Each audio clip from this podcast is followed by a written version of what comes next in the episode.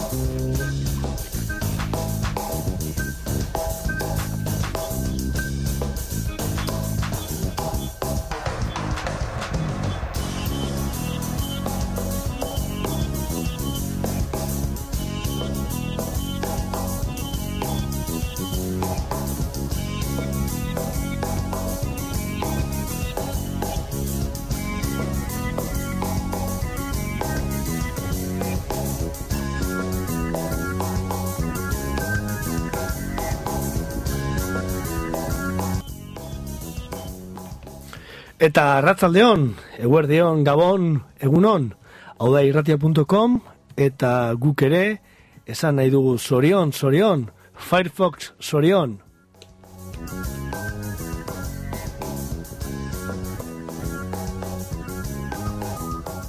Badakizu, teknologia berrien inguruan, Euskaraz, Sarean eta FM-ean egiten den irrati emankizuna da irratia.com, Bilbo iria irratiko estudietatik egiten duguna astelen arrataletan zuzenean, baina astean zehar Euskal Herri osoko hainbat eta hainbat irrati libre eta euskaldunetatik emititzen dena. Hau da irratia.com.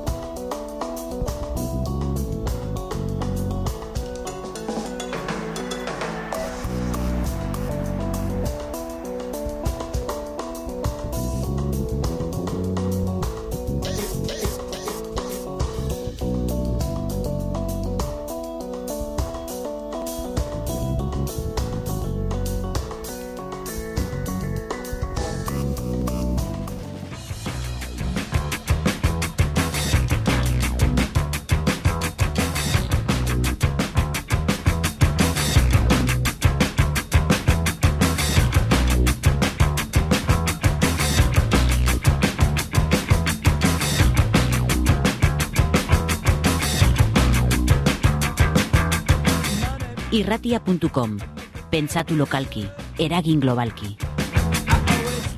Eta aspaldiko egunetan, daroagu esaten zelan gaur, azaroaren bederatzean, Firefoxek bost urte betetzen dituen. Eta horregatik gaur, ba, Firefoxen bosgarren urte betetze horri buruz itzein nahi genuke, bai guk eta baita gure irratiko erabiltzaileekin ere, nola navegatzen duzuen euskeraz libreki, eta ze sentazio azken bost urteotan.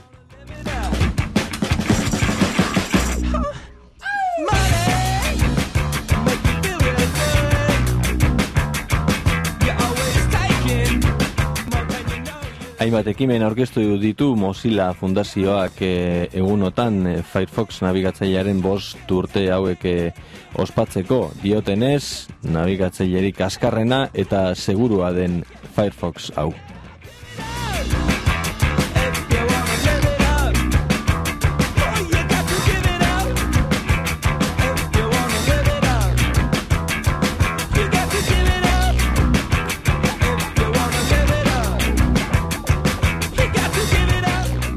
Bost urteotan, esan dezakegu gainera, euskeraz ere badugula Firefox nabigatzaile librea, librea eta euskalduna beraz. Eta horregatik, Firefox euskeratzen eta garapen lanetan dabilen informatikari bat gonbidatu dugu gaurkoan saiora.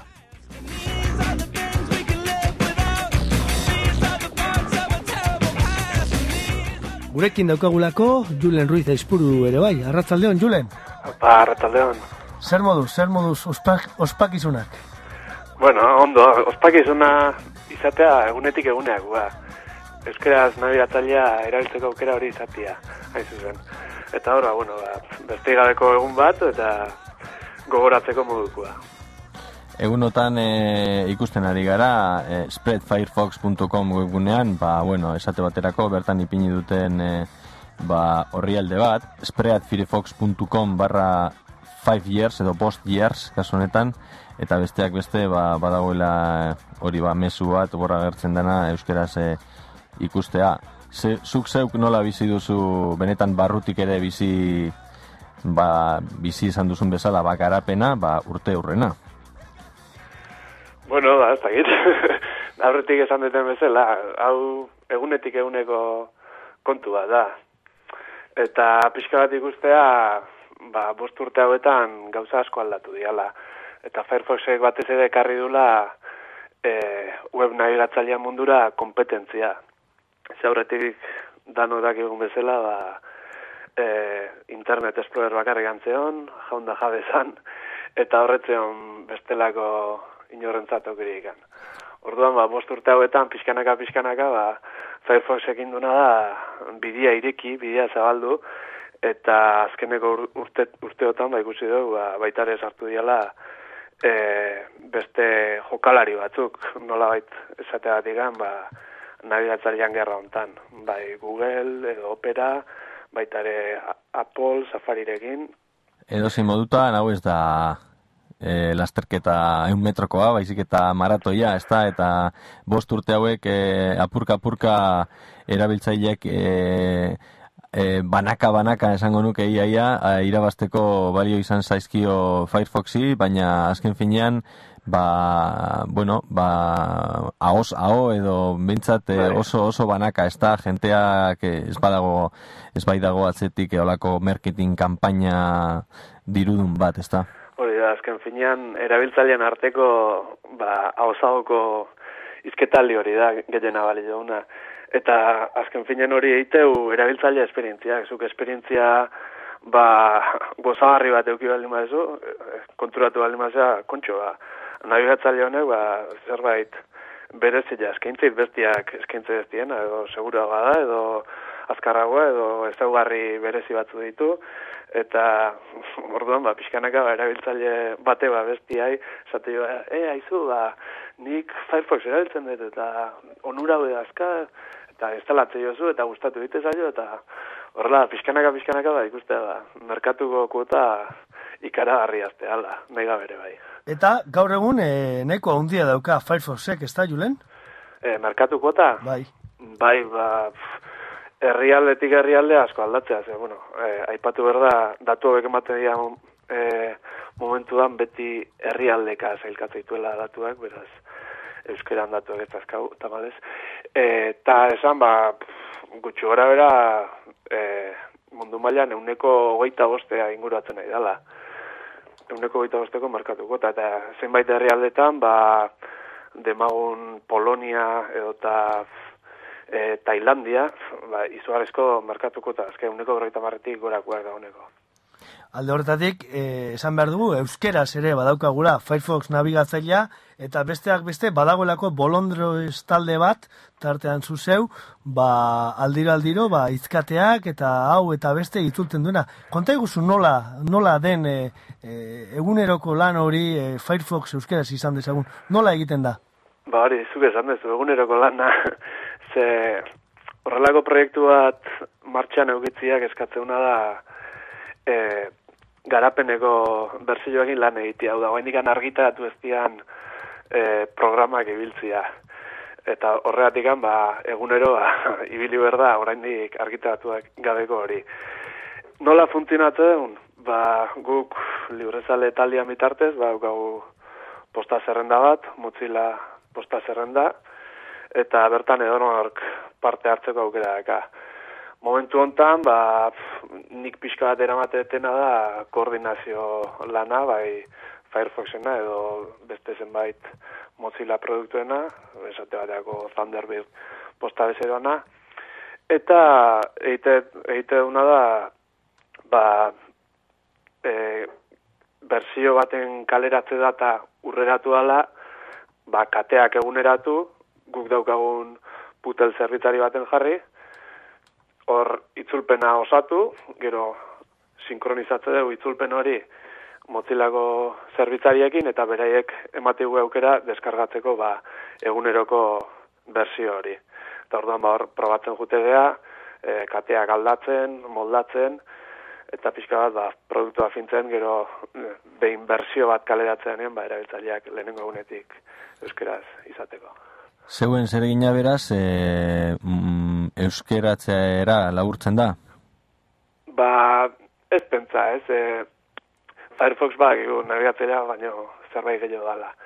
Eta horretik ba, bere inguruan ekosistema handi xamar badaka. Eta esate bateako nabigatzailea itzultzeakin batea, eskatzei gute e, askotan ba, zenbait webgune itzultzeko e, promozioako webguneak izan lehizke, kasu honetan aipatu ezuen bezala, Spread Firefox webguneko ba, e, bost urte ospatzeko webgune hau bezala, edo eta bestela ba, produktuak aleratzeanen, edo produktuak berak e, demagun hasierako horria ba, ateatzea web horri alde bat, ba, horri alde hori norbait egitzuli berdu eta guri eskatzei gute, lan hori guztia egitea. Eta gero, ba, e, marketing lana eta hori dana, ba, pixka bat, ahozagoko kontua da. Guk eskaintze duna da, ba, gure forotan, ba, inorrek laguntza berri izatekotan, ba, beti hor gaude, laguntzeko prest. Eta beste gabe, ez dugu, aparteko ez dugu, baina egunean, eguneko mantendu berra. Zein da, bueno, badakigu atzean fundazio bat dagoela, Mozilla fundazioa, bai. Firefoxen atzean, e, zein da antolaketa eta eta zeintzu dira Mozilla Fundazio honen e, helburuak? E, e, guztiz e, bolondresa da bertan egiten dan lana, edo badago jende kopuru bat ba, soldatapean lan egiten duena, nola antolatzen da Mozilla gutxi gora bera? Bueno, or, batetik daukagu Mozilla Fundazioa dala pixka bat bermatzeko e, Mozilla proiektuak aurrera egiten du, e, aurrera egiten dula. Eta Mozilla e, fundazioan barruan badaude enpresa pare bat gutxienez, ba Mozilla Corporation eta Mozilla Messaging deitzeanak eta hoitako bakoitza arduratzea, ba Mozilla Corporation arduratzea Firefox nabigatzaileaz eta Mozilla Messaging arduratzea da Thunderbird posta bezeroaz e, bi korporazio horiek noski soldatapeko langileak egiten dute lan eta hoiei esker hoiek eh hoiek gehi komunidadeko eh bolondresai esker eh lortze dugu ba kalitatezko produktu libre bat. Beraz, eh so, Mozilako langileen, bueno, bulegoietan esan dezagun, dago nolabaiteko ba, nukleoa, zentroa. Eta gero badago zeregin asko, ba, bueno, bolondresak nor bere lekutik eh, egiten duena. Ez da alako eredu misto bat eh, esango bai, bai, bai, da. Eta esate bateako eh, lokalizazioan lana, itzulpenetako lana, eh, inglesezkoak enduta, gainontzeko danak bolondresak dira. Hortaz, ba, eh, parte hartze haundila dago. Esan behar da, Firefox momentu honetan irurogeita amar hizkuntzatan dagoela itzulia mundu osoan zehar, eta horrek suposatzen du, ba, eundaka eta milaka lagun, lagun eta pertsonek osatzen duten komunitate handiago batean ere e, badagoela. E, komunitate lan hori nola ustartzen da? Dena egiten da posta zerrenden bidez, edo nola bizi da Mozillaren inguruko dinamika teknologiko guzti hori? Bai, bueno, gehien bat koordinazio lana egunerokoa izatea posta zerrenda bidez, ez da baidak, baita ere e, book deitzean ba, tiket moduko batzun bidez, hori garatzailean kontu dira. Eta baita ere wiki, wikiak dazkate, Mozilla bertan. Baita ere mm, Mozillako langileak, eh, aipatu den Mozilla Corporationekoak euren tokitan bilerak egite dituzte, eta bilerako oharroiek online jarte dituzte, edo zeinek ba, ikusteko modun, baita ere e, blogetan asko idazte dute, ba, e, planet, planeta bat, ba, bertan ba, Mozilla inguruko gauza pila bat idazteiana, eta azkenik, komentatu nahi nuke baita ere, iteitu duztela ba, mundu mailako bilkurak, eta bertan ba, elkartzea, bai komunitateko e, bolondrezak, eta motzilako langileak. Orduan, ba, nahiko eredu miztua hau, hau baitare, lan egiteko modu hori, e, aberatza. Bilkura dietako batean, e, imaginatzen dut, e, izan zarela inoiz, ez da? Bai, aukera aukidet, olako sortia dakau, bolondrez lan egite, lan egite baldin badeure, e, pasadan, pasadan udan, esate bateako, Kanadan eintzan, hola, mundu mailako bilkura baten izan ginen, jende pila bat bildu ginen, igual esageratu gabe larun pertsona, eta guztia ba, Firefoxekin edo Mozillako komunitateakin zer zutenak. Beraz, pentsatu badaula e, komunitatea. Baita ere, Europa mailan e, ine, izan dira, horrelako bilkurak, gehiago, ba, gertutasuna kontuan hartuta, eta Europa baitare kontuan hartuta ba, izkuntza asko daudela, ba, ezaugarri horiek batuta bilkura batzuk ere bai india, iaz Bartzelonan eta aurten Pragan, eta benetan oso enkontru aberazgarria dira. Ba, ez zulako ba, online, online ikustezun pertsonari ba, aurrez aurre. Eta Mike, Firefoxen murgilduta eta azken bost urte hauetako lanean eta e, sortu den e, nabigatzaile horretan, e, zuk e, nabigatzaile horrekiko zer nabarmenduko zenuke gaur egun, erabiltzailea ere basaren aldetik? Barkatu, patxi? Nabigatzailea bera zer dauka nabarmentzekoa gaur egun? Nabarmentzekoa, bueno, azira aziratik esango nuke Firefox nabarmendu dela batez ere gehigarria batikan hau da, erabiltzaileak edo garatzaile batek nabigatzailea bera edatzeko daukan aukera bat ikan. Eta nik uste hori klabe izan dela Firefoxen bilaka eran. Esate bateako, oain ikuste deu e, Firefox mugikorretarako ari diala prestatzen, eta berzio horretan baitare e, gehigarriak sartu dituzte. E, pentsatze du, dala gakua, arrakastarako gakua. Eta esango nuke ba hori, gehigarria diala hemen engantxatze dutenak. Hasiera hasieratik errespetatu izan ditu estandarrak eta nolabait estandarrak eurak esartzeko bide bezala ikusi da ba, nabigatzaile bat e, estandarrak errespetatzen duen nabigatzaile bat e, zabaltzea. E, hasieran e, eta web asko nola zeuden ba, tamales ba, nabigatzaile jakin baterako egindak nahi, e, nahiz eta e, webo nabigatzaile horretarako egiteak berak e, estandarrak apurtzen zituen, ba, apurka apurka e, zabaltzen doan einean, estandarrak berak gero eta gehiago errespetatzen dira, ezta? Bai, hori da. Hor nabarmena da, azken finean, web garatzaileak asko sufrituko zuen, Internet Explorer, Internet Explorerrekin, eta egia da, ba, Firefox sartu da neinean, ba, pixka bat, kontzientzia gerozta nabarmenago izan dela estandarrak errespetatzea aldea. Alare, e, Firefoxek estandarrak betetzeko alde egin egiteu, era bat, era bat ez ditu betetzen, baina e, bide, bide honetik dijoa. Era berian, e, Internet Explorer aparte lagata, e, esan berda, e, Safari, Chrome eta Opera gere lan bikaina egite dutela alderdi hortan. Eta zeintzuk uste dituzu izan beharko luketela aurrera begira, e, nolabait e, internet berriagoari begira, ba, Firefoxek edo nabigatzaile txukun batek ba, dituen erronkak gaur egun. Bueno, erronka nagusia behar bada bideo eta audioak, audioak dago.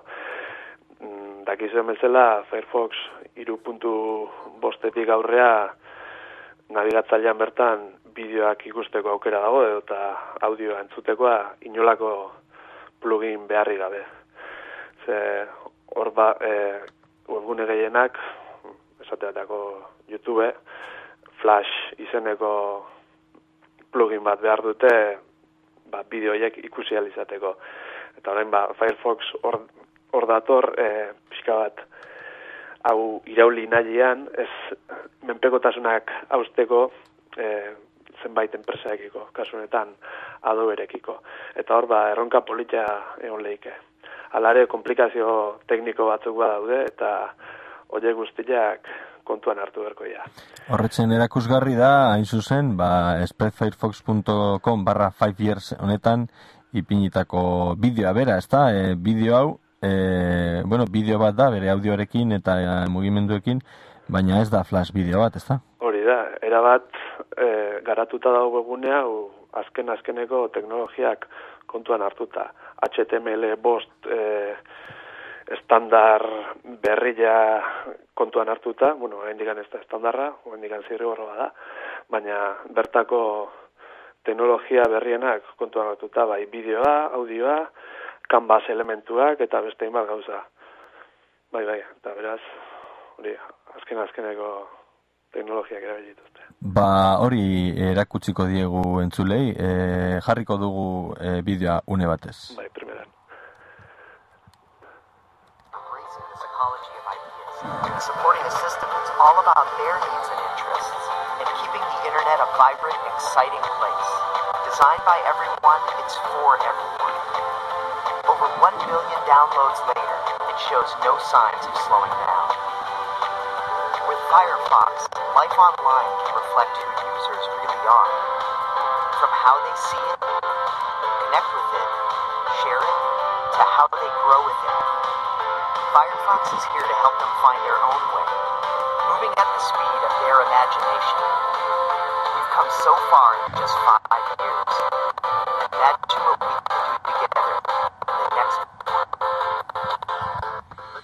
Hor, e, ikusten zan zuk esaten zenuenaren e, aje horren edo pizkate oraindik oso oso finduta ez dagoen e, Bai. kode baten e, hori, ez da pizkate hor, e, e, hor geratzen zela, ez da?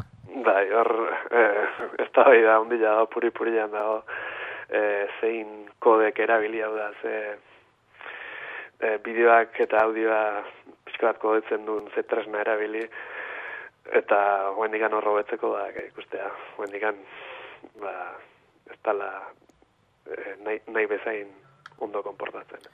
Esan beharra dago, bideo horren e, azpititulo euskaldunak ere eskaintzen ditula Spread Firefox e, Bost Years izeneko webgune honek, eta bideoaren e, eduki guztiak e, euskeratuta daudela e, azpitituluetan. Ba, entzulek e, bideoari e, bideoa bera ikusi nahi balute edo edo erreparatu e, bertako edukia. E, ipatu ditugu bideoa eta audioa, baina izango ditu e, webgintzari begira eta HTML-ean etorri beharko luketen aldaketa dila eta eta Mozilla Fundaziotik asko aipatzen da Open Web edo web irekia. Horri begira ze ze erronka ikusten dituzuzuk e, Julen audioa eta bideoa baino gehiago? Bai, baina pixka bat dihua, leheno ipatuetan hildotik, e, tresna e, jabedunetatik e, li, libratzeko erronka hortatik an. Ze webgune askok flash erabiltze dute, baina flash ez da bakarrik erabiltzen bideoak ikusteko edo audioa entzuteko, baizik eta webgune oso osoak e, flashekin eginda daude. Zergatikan, ba, eskintzitulako ba, aukera errez eta nahiko biztosuak erabiltzaileantzat, ba, webgune hori politiak egiteko. Baina, e, hori, aipatueten HTML5 estandar berri hortan aurre ikusten dira elementuak, kanbas elementua esate bateako, ba, horri guztiai aurre egiteko. Teknologia beraz bada, baina oraindik nik uste dut e, denbora berko ala te, teknologia horiek egun, eguneroko bizitzan ikusteko, ze erabiltzaileak eguneratze ertian bitarten, nabigatzaile zarrak dituzten bitartean, ba, teknologia horiek ezin izango dira disfrutatu.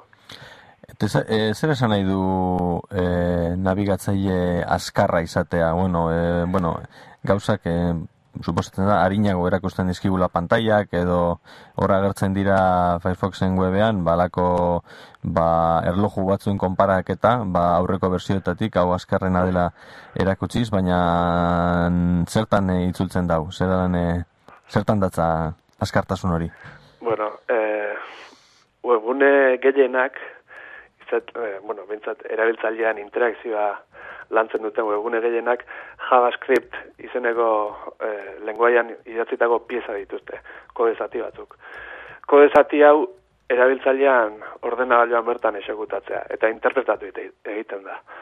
Orduan, nabigatzailea bera arduratu behar da, kode hori hartu, e, interpretatu eta agindu horiek esekutatziaz. Orduan, e, Firefox 3.5 begira, nahiko lan egin zan, alderdi hortan, eta konpiladore berri bat sortu zuen, e, aurreko baino bastante azkarragoa, eta zuk ikusetako erloju horiek, ba, irazte zuen, ba, egindako hobekuntza. Orduan, e, erabiltzailean zat, azkartasun hori, e, ez da nagarmenduko webunia azkarro kargatuko ala, baizik eta e, webunia bea, e, ben kargatuta berditun elementuak e, esegutatzeko ba, e, erantzun hobia emango, di, emango mm -hmm. Eta Explorerrekin konparatu ezkero, esate baterako, e, mm, bueno, kasu honetan e, interesatzen zaiona, jenteari, ba, webgune bat erakustea azkar behar ordenagailuan, horreta, horrekin konparaketak egin dira, azkarrago dabil? Bai, e, Firefox beha, bueno, eh, aipatu izuten, bueno, erloju hortan ikustea azkarrago da bilela, baina kompetentzia ere bai eh, aurre hartzen dabil. Ze esate bateago argitaratu izan dira benchmark batzuk edo kom, eh, errendimenduan konparazio batzuk, ez dira oso fidatzekoak, ze depende zen egiteun alde batea edo besteak atiratze du, baina mm, esate dute krome, krome hori, kompiladore hori, oso azkarra dela. Baita ere, operanare desente ondo dabil eta safarire ez da atzien gatzen. Orduan, kompetentzia badago ikustean ez. Eta Explorerrekin konparatu eskero, batez ere Explorer sortzia, ez dakite hor egondan e, ikerketarik, nahiko oarka behan pasatu da, egia esan, e, sortziaren e, agertzea, ez da? Bai, eta ikustean ez grafiketan, e, erabiltzailean grafiketan, oendikan Internet Explorer zeia da e, gehien erabiltzeana. Pentsa, ur, urte pila azka Internet Explorer zeia, baina orain asko erabiltzea. Batez ere, enpresatan eta horrelako tokitan, da, menpokotasun handia daukatelako ze zenbait aplikazio e, nahi horrekin bakarrik erabili daitezke. Batez ere gainera horrek ematen zituen, e, bueno, bostak ere bai segurazki, baina zeiak ez zituen bat respetatzen estandarak, eta zazpiarekin hasi omen ziren pixka eta respetatzen, ez da? Bai, pixka bat, hortigan, pixka bidea zuzentzen hasi zian, eta sorte jakin ba, bide hortati jarraitu de. Alare, beti badakigu kritika zorrotzak eta latzak jasotzea dituela. Ze, askotan, ba, behaiek behaien soluzio propio ematea jo, eh, arazo batei, ba, bestiak kontuan hartu gabe. Hala ere, oraindik segaitik uste duzu e, jendeak oraindik Explorer erabiltzen jarraitzen duela. Gainera, larriagoa dena, ez da, zuk esan dakoa, versio zaharrak, oso zaharrak. Bai, aipatu izuten bezala, ba, enpresa askotan erabiltzea oraindik menpekotasuna batik. E, dago Internet Explorerek erabiltzeu, erabiltze ditu ActiveX izeneko elementu batzuk, eta ActiveX hori erabilita ba, aplikazio mordoa dago garatuta munduan.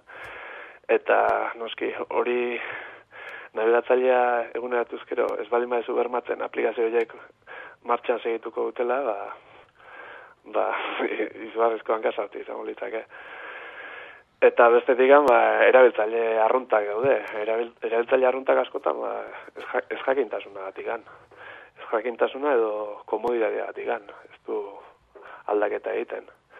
Ze Windowsa instalatuta segituan, ba, hortxe daukagu gure e, urdin hori. Ba horretan, e, jardun beharko dugu aurrerantzean ere, jendeari informazioa eskaintzen, e, dauden aukeraen berri ematen, eta alde horretatik, eskartzen dizugu julen, gurekin batera irratzaioan e, egon izana, e, jarraituko dugu Firefox berrienak e, badaudela esaten, eta Firefox bezala, ba, software li, librearen, ba, ba, kolore guztietako plataforma, e, sistema eragile, programa eta bar. E, mila esker gurekin izatearren eta urrengo arte. Ba, eskerrik asko zuhiro. Esploradore nekatu batek zerikus lezake Tristeziaren metro kuadratu batek eta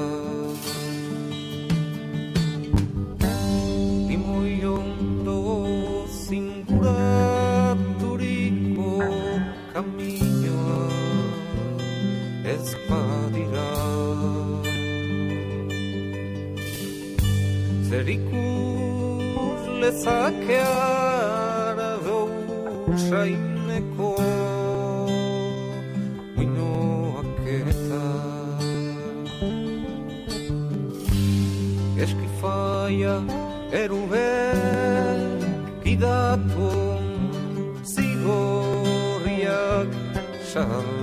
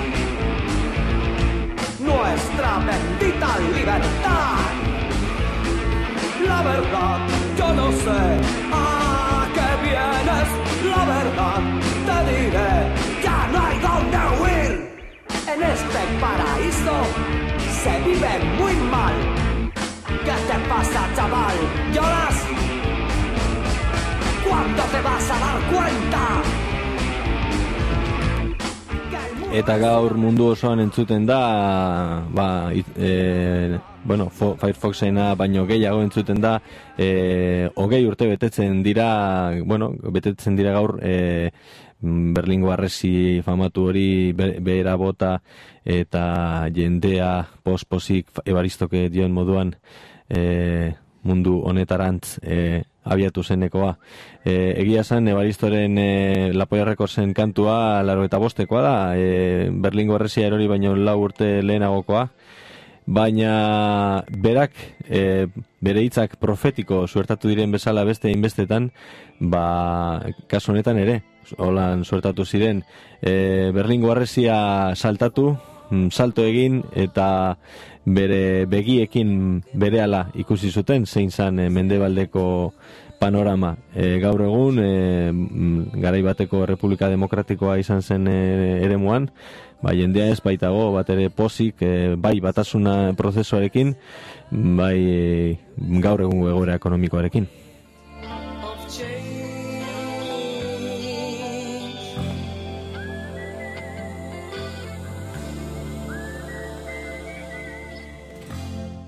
Eta zarea bera ere hogei urte beranduago guzti horren lekuko ere bada. Eta zare Euskaldunean ere ikusten dugu hemenetan aipamen batzuk. Deigarria egin zaigu guztiz sustatu.comen Luisio Fernandezek egin duen kronika, izan ere egun haietan han baitzen, e, eibartarra, oportan lagun baten lagun baten e, etxean, eta ia oarkabean e, gertatu zen e, arresiarena, eta biharamunean ikusi zuten egunkarietan, eta hurbilteko aukera parada izan zuten, eta beste, kronika benetan interesgarria egin du gaurkoan le, Luis Fernandezek e, e, sustatun, eta gomendagarria guztiz.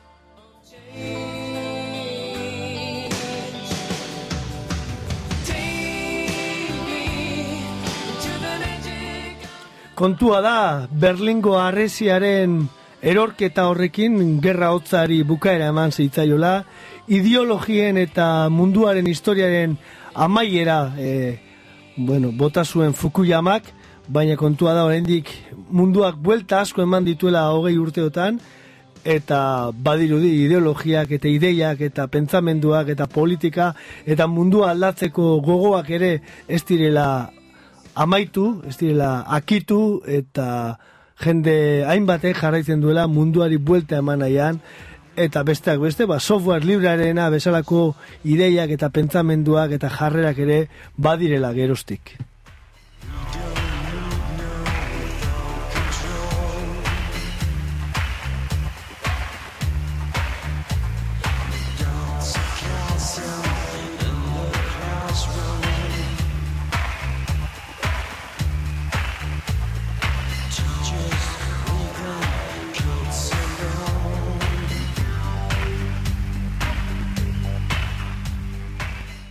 Neuko gogoan dut e, Berlinera joan, e, arresiarena gertatu eta zei bat, zazpi bat urtera, eta han ez zegoela mm, arresiaren e, arrastorik zu zeu ere izan zara Berlinen, mm, batzutan e, alde batetik, e, garai bateko alde batetik, garai bateko alde, beste aldera pasatzea gaur egun, ez zara, ez zara konturatzen, ez da? Ez dago ar, e, arrasto handirik ere. Ze Alemanian bertan ere, uste dut Berlin daukatela pobre iritzat edo, ez? E, iri administratiboa eta iri politikoa beste batzuk dira. Eta alde horretatik Berlin gehiago da hiri interesgarri bat, kulturatik, maila sozialetik eta ba, gehiago ba, poderetik eta administraziotik barik. Eta egia da gaur egun e, bueno, geratzen dela museoa, ez? Arresiaren gainean dagoen e, museoa edo edo fabulazio guzti hori eta souvenirrak eta eta checkpointen bat e, bueno, mitiko bezala baina ez da nabaritzen eta normaltasun osoz bizi dute bateko ezen bestekoek e, bueno, eta normala da ez, hogei urteren bueltan ba, normaltasun horretan bizitzea. Baina e, Luis Fernandezek ere aipatzen du bere kronikan ez? Asko flipatu zuten ekialdekoek e, mendebaldean ba, Turkiarrak eta ikusi zutenean eta mendebaldekoek ere asko e, flipatu zuten ba, ekialdeko berean nahien e, e, jarrera izaera eta batez ere janskera eta ohiturak eta eta ohitura berrietara egindako alegin horretan, ez? Ba, Coca-Cola latak edateko grina hori edo hamburguesa jatekoa. Bai, e, gainera, bueno, niri egin zitzaidan e, pizkat e, deigarri zenbat grua zeuden, zenbat garabi zeuden hor e, Berlinen e, eta, eta baita ere e, esate baterako ba, Reichstag edo garai bateko ez dakit, parlamentua izandakoa oraindik obretan zegoela. E, norbaitek zu eman omen zion e, gerra hasi baino lehen eta oraindik e, konpondu gabe zeukaten E, bueno, horrelako batzuk ere badira beste leku batzutan, esatetarako La Sagrada Familia Bartzelonakoa edo e, Tenderia kaleko batzokia hainbeste urte irauten duten e, obrak badira, badira eta badira hemendik ere.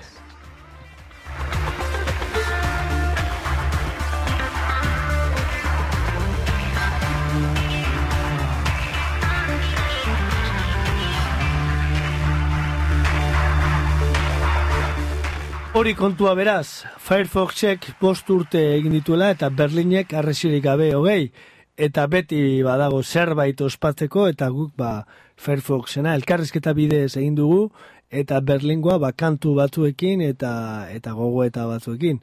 Hor eduki ditugu Scorpions, e, The Wall abesten e, Pink Floydekoak eta Lapoiaren e, aurre ikuspen e, eta kantu hori ez, beni be.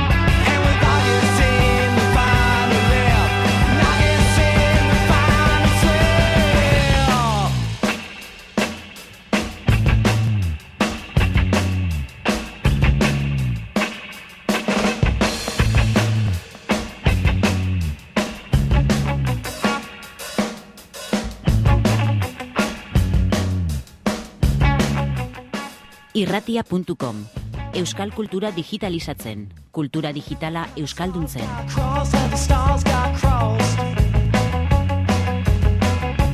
stars got crossed, how the stars got crossed.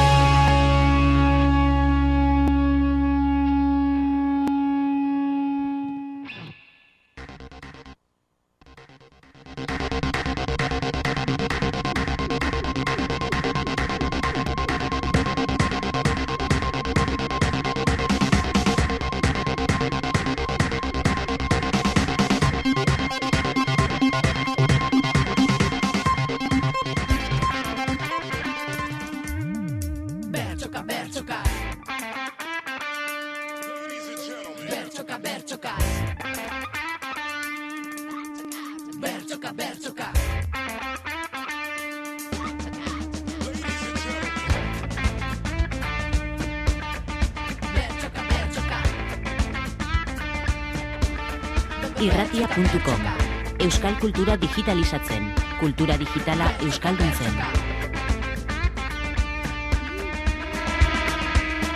Ermaka bertsoka Eta doinuka, bertsoka.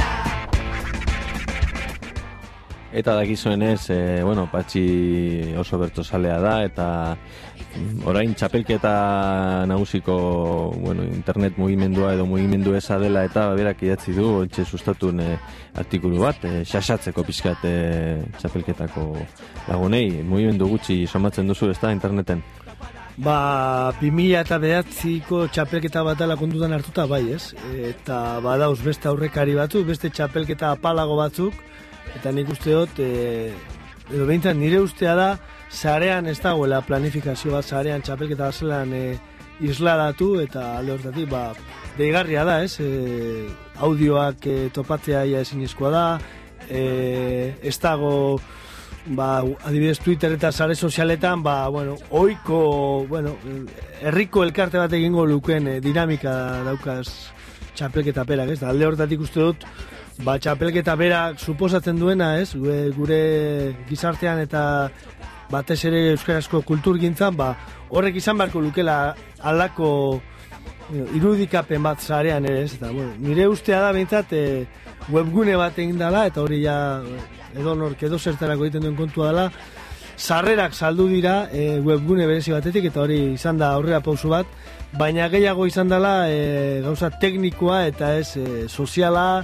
edo komunikatiboa, ez? Eta alde hortatik plantamentu bat falta dela uste dut, eta hori, bueno, bertzozalen moduan eta interneteko erabiltzaile moduan egin duten gogeta personal bada blogean, kontua da sustatuko egi interesgarri iruditu eta sustatu nere e, zabaldu dutela ba, artikulu bera. Ba, nik uste dut, e, txapelketa batek eta maila honetakoa eta horren beste jente biltzen duenak, zo zer gehiago beharko lokela zarea. Beste batzuetan bestelako ekita, eki, ekimen batzuk izan dira, guk hemen euki izan dugu ere horren gainean gonbidaturik, ba, asaltzen e, ba, beste proiektu batzuk izan direnean, eta aurreko edizioetan nire audioak e, eskuragarri izan dira, ez da, inoiz. Bai, nik alde horretatik, eh, bizkaiko txapelketa gogoan daukat, botasarean.biz webgunea oraindik eh, hor dago, eta, bueno, adibidez nik hori faltan botatzen dut, ez? Nahikoa da saio batera ez joan izana, demagun, e, gazteizko saioan mirena murizak irabazizuna, ba, bere kartzelako lana, edo bere ofizioak, edo bere ariketak entzuteko, edo beste batenak, edo horren beste aipatzen da maialen lujanbioren bergarako saioa bakarkakoa, edo beste hainbat saio, eta eta zailtasunak, ez? E, nik uste dut horretan, eta ez bakarrik e, e, artxibo lan hori eta bueno, hori importantea da eta gaur egun material guzti hori biltzen da, baina baita ere, ba, adibidez, ba, sare sozialetarako planteamentu bat, e, etiketa bat e, Twitter eta Facebookerako, ez da, horrelako gauza botatzen ditu faltan, eta berba da, egia da, txapelketak lan asko daukala, eta kezka asko eta ardura asko, baina oraindik iruditzen zait oso telebiste irrati egunkarira begirako txapelketa egiten dela, talde horretatik badago geta bat, oro, orokorrean, eh? ez dut uste errudunik daukani, baizik eta, bueno, e, zergatik ez ematen oraindik e, horrelakorik ez, eta gehiago da, ba, gogoeta personal bat, ba, beste batek, e, errimei buruz egingo duen bezala, edo, edo baldin balego, hotzari buruz. Mhm. Ikusten da, bueno, e, aztertu eta albada artestu ere egingo du bueno, internauta internautek oza, kasu honetan e, txapelketatik bertatik e, alba da ba, olako gauzak e, jarri beharko dira. E, bestalde badukagu ba, zuk audio bat e, gauza bitxi bat e, gertatu zen e, lehengo gunean e, zuek grabatu bai zenuten e, ba, bestela grabatu esan e, kontu bat, ez da audio bat? Bai, kontua da, e, bergarako saioan, momentu batean e, argia joan zala, e, txapeketaren erdian, eta kantuan ari ziren e, John Martin eta Maialen Lujanbi une horretan, gaia ere bitxia zan, ez? Gaia zan e, e, John Martin e, astero joaten dala mesetara, eta Maialen Lujanbio, ba, beren beregi egun horretan joan zala, besteak beste telebista zegoelako grabatzen. Kontua da, argia joan zala, eta John Martinez jarraitu zuela bertzotan, e, lehenengo bertzotik e, e, mikrofono barik, eta jende guztia isildu egin zan momentuan, eta isil-isilik eta geratu zan, eta entzun egiten zan, e, naiz da mila eta bosteun laguneko kiroldegia handiat izan, entzun egiten zan bertua, eta epailek ere horrela entzun behar izan zuten kasko eta tiparik, zuzenean, erantzun egin zion e, maianen lujanbiok, eta esan zion gustora etorri izala e, mesetarak kasurretan korua itzela salako, ez? Orduan jokatu zuen egoera horrekin. E, jainkoa aipatzen e, hasi ziren, ba, joan eta etorrian da bilela, eta bueno, kontua da, e, egoerari berari ere zuku atera ziotela bi bertolari, maizuki, eta bapateko egoera e, itxaron gabeko bati, ba, bapateko e, jardun bat egin zuen, ez? Jendeak asko eskertu zuen, e, bertzuak entzun egin ziren, Eta kontua da, ba, ba, telebistak, irratiek eta mikrofonea ere zebilen, eta orduan bertu horiek e, ez ziren grabatu. E, Larraetu horregetik ari ginen, ba, bertzuak eta kronikatxo bat prestatzeko ba, MP3 batetik grabatzen, eszenarioan bertan utzita MP3a eta ez oiden bezala, ba, e, mikrofoniatik egiten da split batu jartzen dira eta soinu zuzena da maikoa. Eta beste beste e, hola grabatu ba, publikoaena eta hartzeko. Ba, momentuan kontuatu ginen e, bertoiek historikoak izateaz gain ez dela grabatuta eta ba, MP2en ba, e, bakarrik grabatuta zuela elkarteko eman, zenpelar dokumentazio zentrorako eta eta, bueno, eta gero sarean jarri ditu gainera, ez? Ba, larretu horregen jarri dugu, zi- ba, beste beste saio osoa jartzea genokan asmoa, baina gero editatu ditugu bertzo batzuk eta eta hor daude sarean entzuteko bezala larretu.orgen.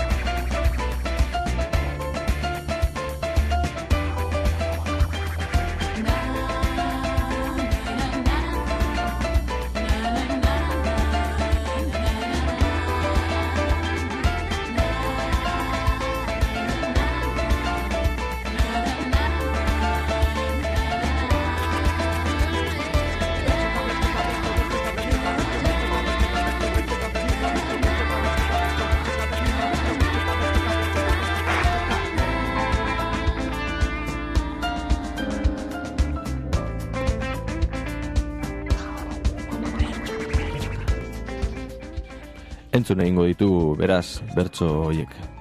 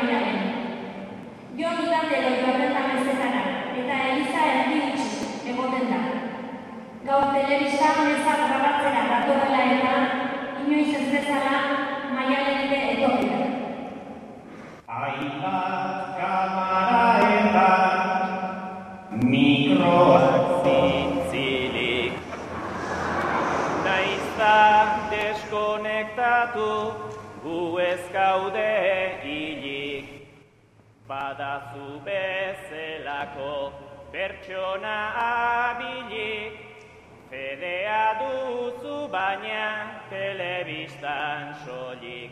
Trialai, la, la, la, la, la, la, telebistan soilik. Da zuretzat mamu, justu bihurtu dena,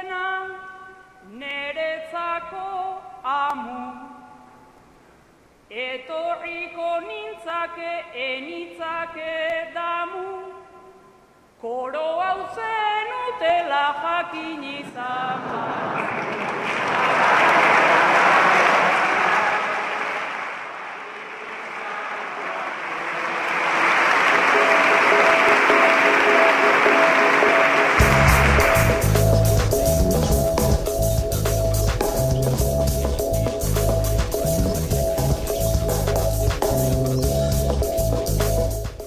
Eta horrela, bertso batekin e, agur esango dizuegu gaurkoz.